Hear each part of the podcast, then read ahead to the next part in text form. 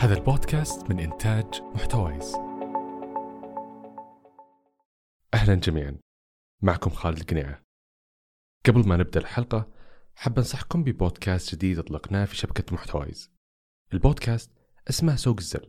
هو يتحدث عن الفن من الموسيقى إلى الرسم إلى التصميم وغيرها من المواضيع مقدم البودكاست هو مبارك الزوبع من بودكاست عقل غير هذا.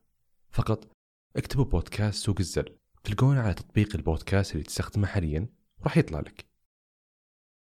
والآن راح نشغل جزء قصير من مقطع الحلقة التعريفية اللي أطلقناه الأسبوع اللي فات. الساعة 4 العصر في شتاء الرياض. أمشي في ممرات سوق أحبه جدا لأن الجميع فيه يحاول إقناعك أن منتجه. أقدم وأجمل من الآخر. ويستحق منك لو نظرة صغيرة قبل حتى ما يقول السعر. وراها 150 شرف. وهذه الهطفة. يا هذا الهطف هذه وقفت فوق راس شايب ماسك عصاه اللي بآخرها راس صقر. ويقلب بيده الثانية أسطوانة لأحد ألبومات مايكل جاكسون اللي صدرت في 2008 الموضوع كان عجيب وخليط رائع. لما رافق هذا المشهد صراخ المحرج في هذاك المكان. طق مقدور ب 100 طق مقدور ب 100 الصندوق حقه 36 ريال 36 36 حرك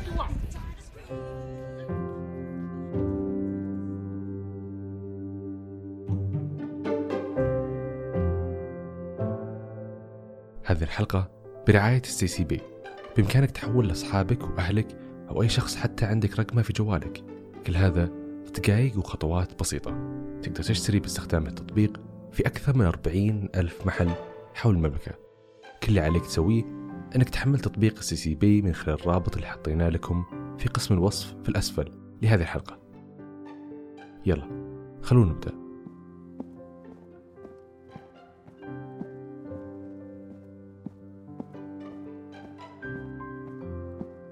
أبيك تتخيل معي هذا المشهد.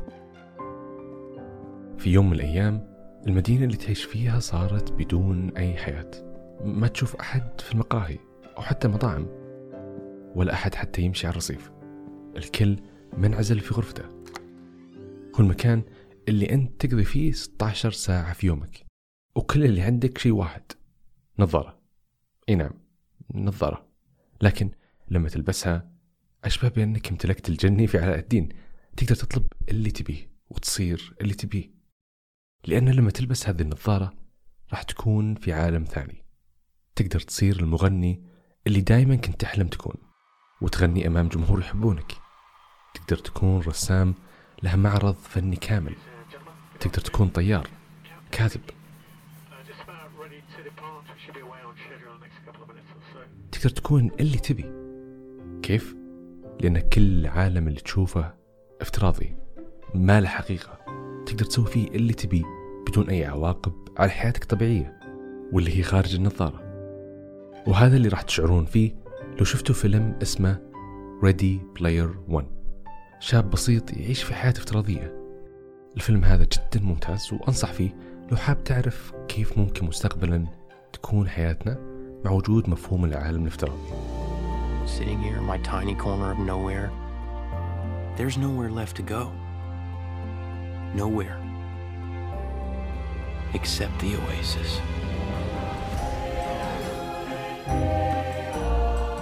This is the oasis. It's a place where the limits of reality are your own imagination. بس قبل ما نتحدث بالتفاصيل خلونا نرجع لورا كم خطوة إيش هو العالم الافتراضي؟ وهل نظارة زي كذا موجودة في الواقع الآن؟ أول مرحلة بنتحدث عنها هي تاريخ العالم الافتراضي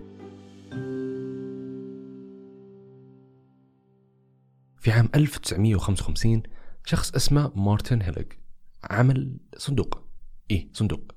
بس الصندوق هذا تقدر تدخل فيه راسك وتشوف فيلم كذا تجلس وتدخل راسك بكل بساطة. وفي أصوات حولك كأنك داخل الفيلم هذا. وسمى هذه التجربة باسم مستقبل السينما. وكانت هذه بداية للعالم الافتراضي طبعا الكل يقول تاريخ مختلف في البداية والكل يختلف على متى حرفيا بدأ مفهوم العالم الافتراضي.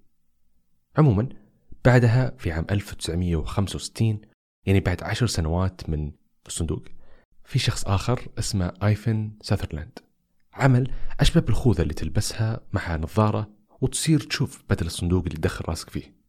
لكن التطور الحقيقي بدأ يصير في السبعينات لما الجيش الأمريكي دفع لي مكتب الأبحاث في ناسا وجامعة يوتا لمشروع يخليك تتخيل إيش بصير لو كنت داخل أحد المركبات. وكان هدف التدريب لكن النتائج غيرت مفهوم وسوق العالم الافتراضي لأن من هذا المشروع طلعوا اكتشافات جدا حسنت تجربة العالم الافتراضي. وفي عام 1985 طلعوا خوذة كمان قفازات حتى تتخيل أنك داخل مركبة. وكمان كان هذا الوقت وهذه السنة أول مرة يتم الاتفاق على أن في اسم معين لهذا الشيء واللي هو العالم الافتراضي أو Virtual Reality. كل اللي تحدثنا عنه كان تقريبا ما يقارب 30 سنة وهذه كانت البداية. بعدها بدأ يدخل العالم الافتراضي للألعاب اللي ممكن كثير منكم يربط العالم الافتراضي فيه. فبدل فقط على الأفلام والمشاريع البحثية زي ما قلنا ليش ما يكون على الألعاب؟ ليش أنا أشوف لعبة وألعبها من خلال شاشة؟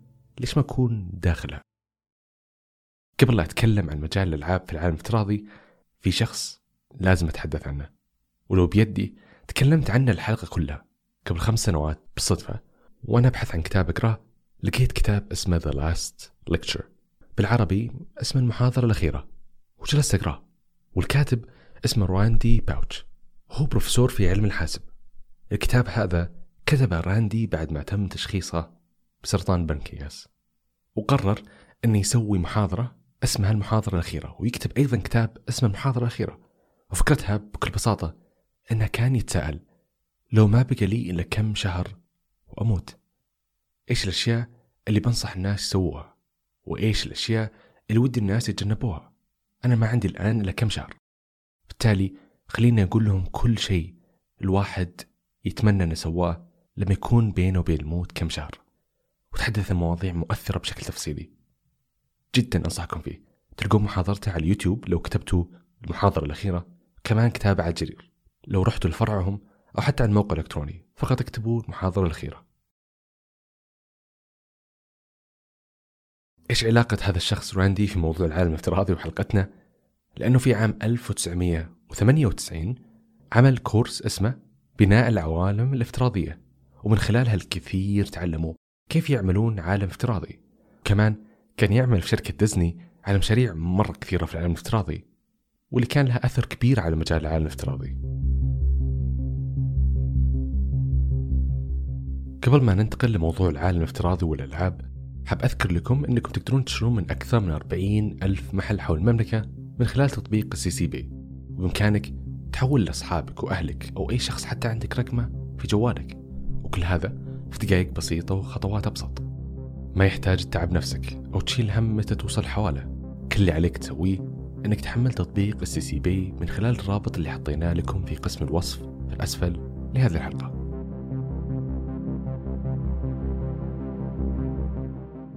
طيب الحين خلينا نرجع لموضوع العالم الافتراضي والألعاب. في عام 1991 في شركة اسمها Virtuality Group أطلقت جهاز تقدر تلعب فيه لعبة من خلال لبسك لنظارات العالم الافتراضي كي تجلس في نظارة ضخمة تلبسها بعدها شركة سيجا للألعاب. طبعا اللي مولودين في بداية التسعينات وقبلها بيعرفون شركة الألعاب هذه. أطلقوا كمان جهاز نفس الفكرة. تقدر تلعب لعبة من خلال نظارات تلبسها وين الأجهزة هذه وليش إلى الآن ما شفناها في السوق أو حتى ولا واحد منا يستخدمها؟ بكل بساطة فشلت لأنها كانت جدا غالية. ولا كمان ما في ألعاب كثيرة. والجودة كانت سيئة. بعضها كان فقط لون أحمر وأسود. هذا اللي تشوفه. وفي وقتها نفس وقتها طلع شيء غير السوق كامل واللي هو أطلقت شركة سوني جهازها سوني 1 فتغير كل شيء والناس صاروا ما يهتمون بهذه الفكرة. وصاروا الناس يركزون على موضوع مختلف اللي هو الجهاز حق لعب اللعبة زي سوني 1 وليس العالم الافتراضي للألعاب. بعد فترة طويلة بعد سنوات طلع في عام 2012 في شهر أوغست مشروع اسمه أوكلس ريفت هذا الشيء غير كل شيء متعلق بالعالم الافتراضي. كيف؟ هذه الشركة مجموعة أشخاص قالوا ليش ما نعمل بكل بساطة نظارة؟ النظارة هذه جودتها أفضل. كمان التجربة حقتها أحسن. الشخص يشعر أنه هو داخل عالم وفي عام 2012 هذه الشركة جهز استثمار جماعي بقيمة 2.3 مليون دولار يعني تقريبا 8.6 مليون ريال. ليش؟ لأن النظارات هذه أفضل بكثير من أي نظارة ثانية. تخليك تلعب ألعاب جدا كثيرة. بعد سنتين يعني في عام 2014 الرئيس التنفيذي لشركة فيسبوك مارك اشترى هذه الشركة كاملة اللي هي اوكلس ب 8.6 مليار ريال. ليش؟ لأنه يعتقد أن الموضوع هذا بيغير المستقبل وأن إحنا بنعيش في العالم الافتراضي. فقال خلينا نستثمر هذا مبكر لأنه بالتأكيد هذا هو المستقبل. مع الاستثمار هذا خلاهم يستخدمون أفضل التقنيات وأكثر الناس خبرة وموهبة حتى يطلقون منتجات تقدر تشتريها وتخليك تعيش عالم افتراضي. وأنت في غرفتك. تقدر تطير وتحارب سفن فضائية تقدر تسوق بسيارات رياضية وتقدر تطلبها الآن بعد ما تسمع الحلقة. قيمتها تتراوح ما بين 2000 ريال إلى 8000 ريال في أنواع مختلفة. مين يدري ممكن يوم من الأيام كلنا يكون عندنا هذه النظارة ونصير نقضي وقتنا في الغرفة نعيش كل حلم كنا نحلم فيه. نزور دول ما قد زرناها ونقابل ناس كان ودنا جدا نتحدث معهم. في كل الأحوال المستقبل مخيف.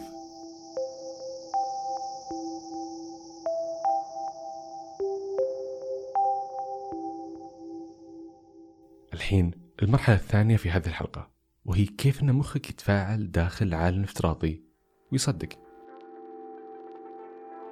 تخيل معي أن أنت الآن أصلا مو حقيقة بمعنى أن دماغك هو في مكان ثاني ومربوط على الإنترنت واللي تعيشه الآن وأنت تسمع هذه الحلقة من البودكاست وتسمع صوتي. هو أصلا تعيشه وأنت داخل عالم افتراضي. يعني كيف تعرف أنك أنت الآن حقيقة وأن ما في أحد جالس يتحكم فيك في مكان ثاني؟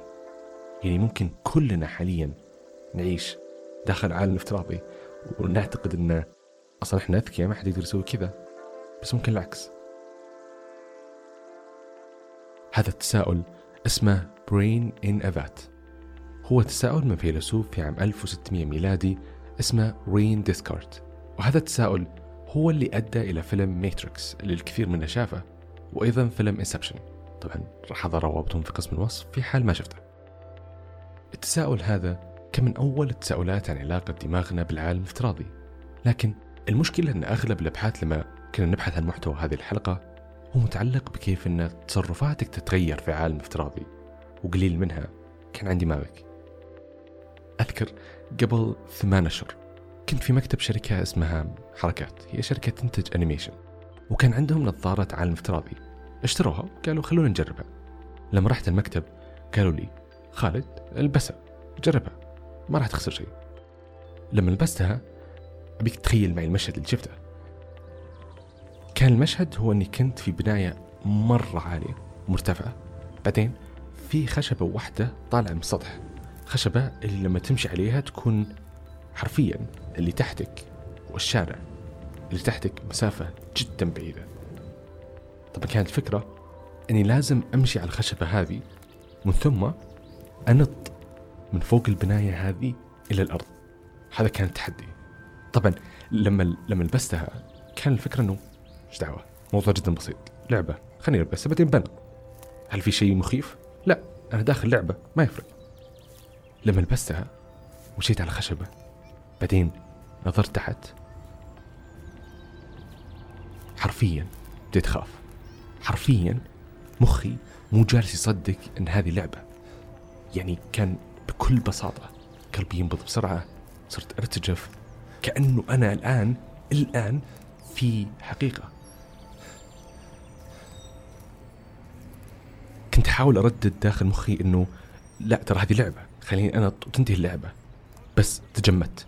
ما قدرت. والله ما قدرت. ما قدرت أنط من فوق العمارة هذه لأن مهما حاولت رجلي تمنعني اللي ما أقدر.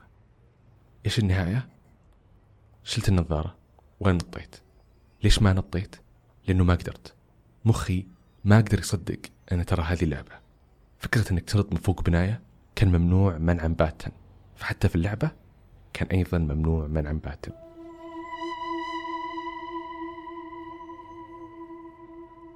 وهذا اللي خلاني أتساءل عن ليش ما قدرت أسويها. وجلست أبحث.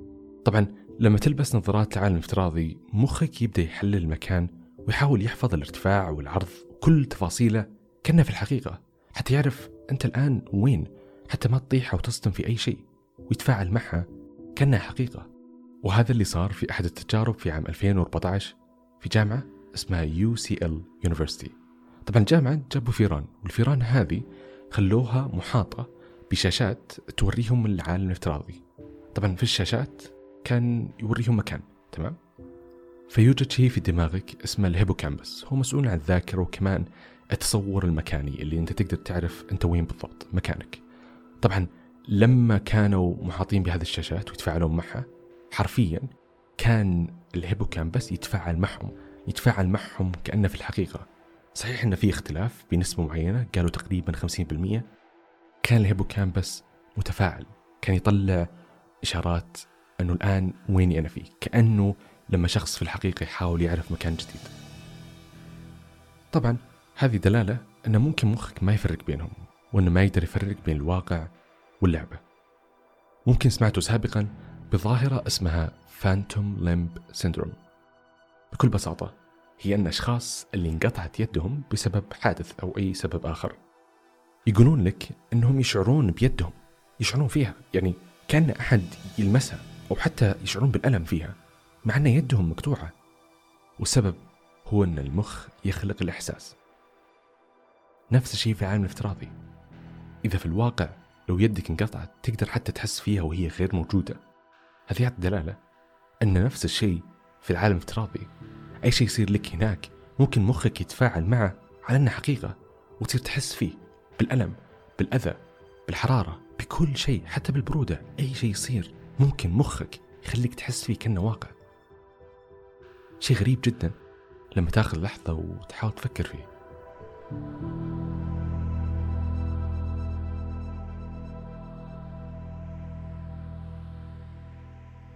أيضا وجدت بحثين راح نحط رابطهم في قسم الوصف. ذكروا كيف أن لو أنت في عالم افتراضي وكانت شخصيتك طفل راح يكون تصرفك طفولي أكثر.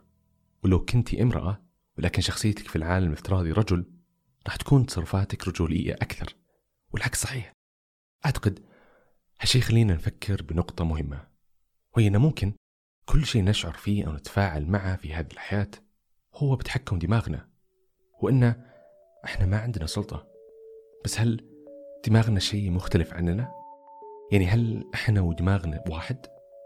أو إنه شيء منفصل؟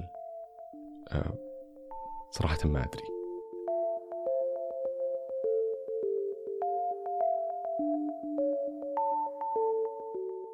قبل ما تنتهي الحلقة حاب أقول أن موضوع العالم الافتراضي جدا معقد كنت قبل ما أبحث حتى أكتب نص هذه الحلقة اعتقدت أنه شيء بسيط ولا في شيء كثير أصلا مثير للاهتمام لكن لما بديت أقرأ عن جانب كيف دماغنا يتفاعل معه أقدر أقول أنه من أكثر المواضيع إثارة التساؤلات والأفكار. أنصحكم جدا تبحثون عنه أكثر وإحنا كمان في تويتر في حسابنا محتوايز راح شارك مصادر أكثر وكمان مقالات وحتى تصاميم مرئية. أنصحكم تشوفون فيديو المحاضرة الأخيرة اللي ذكرتها في وسط الحلقة. صدقوني راح تغيرون أشياء كثيرة في حياتكم بعد ما تشوفونها. تم كتابة هذه الحلقة وتسجيلها من قبل خالد قنيعة وإنتاجها صوتيا من قبل مبارك الزوبع التصاميم من هلا العنزي وصفا سعيد والنشر من ريم عركي والحين في نهاية الحلقة حمل تطبيق السي سي بي.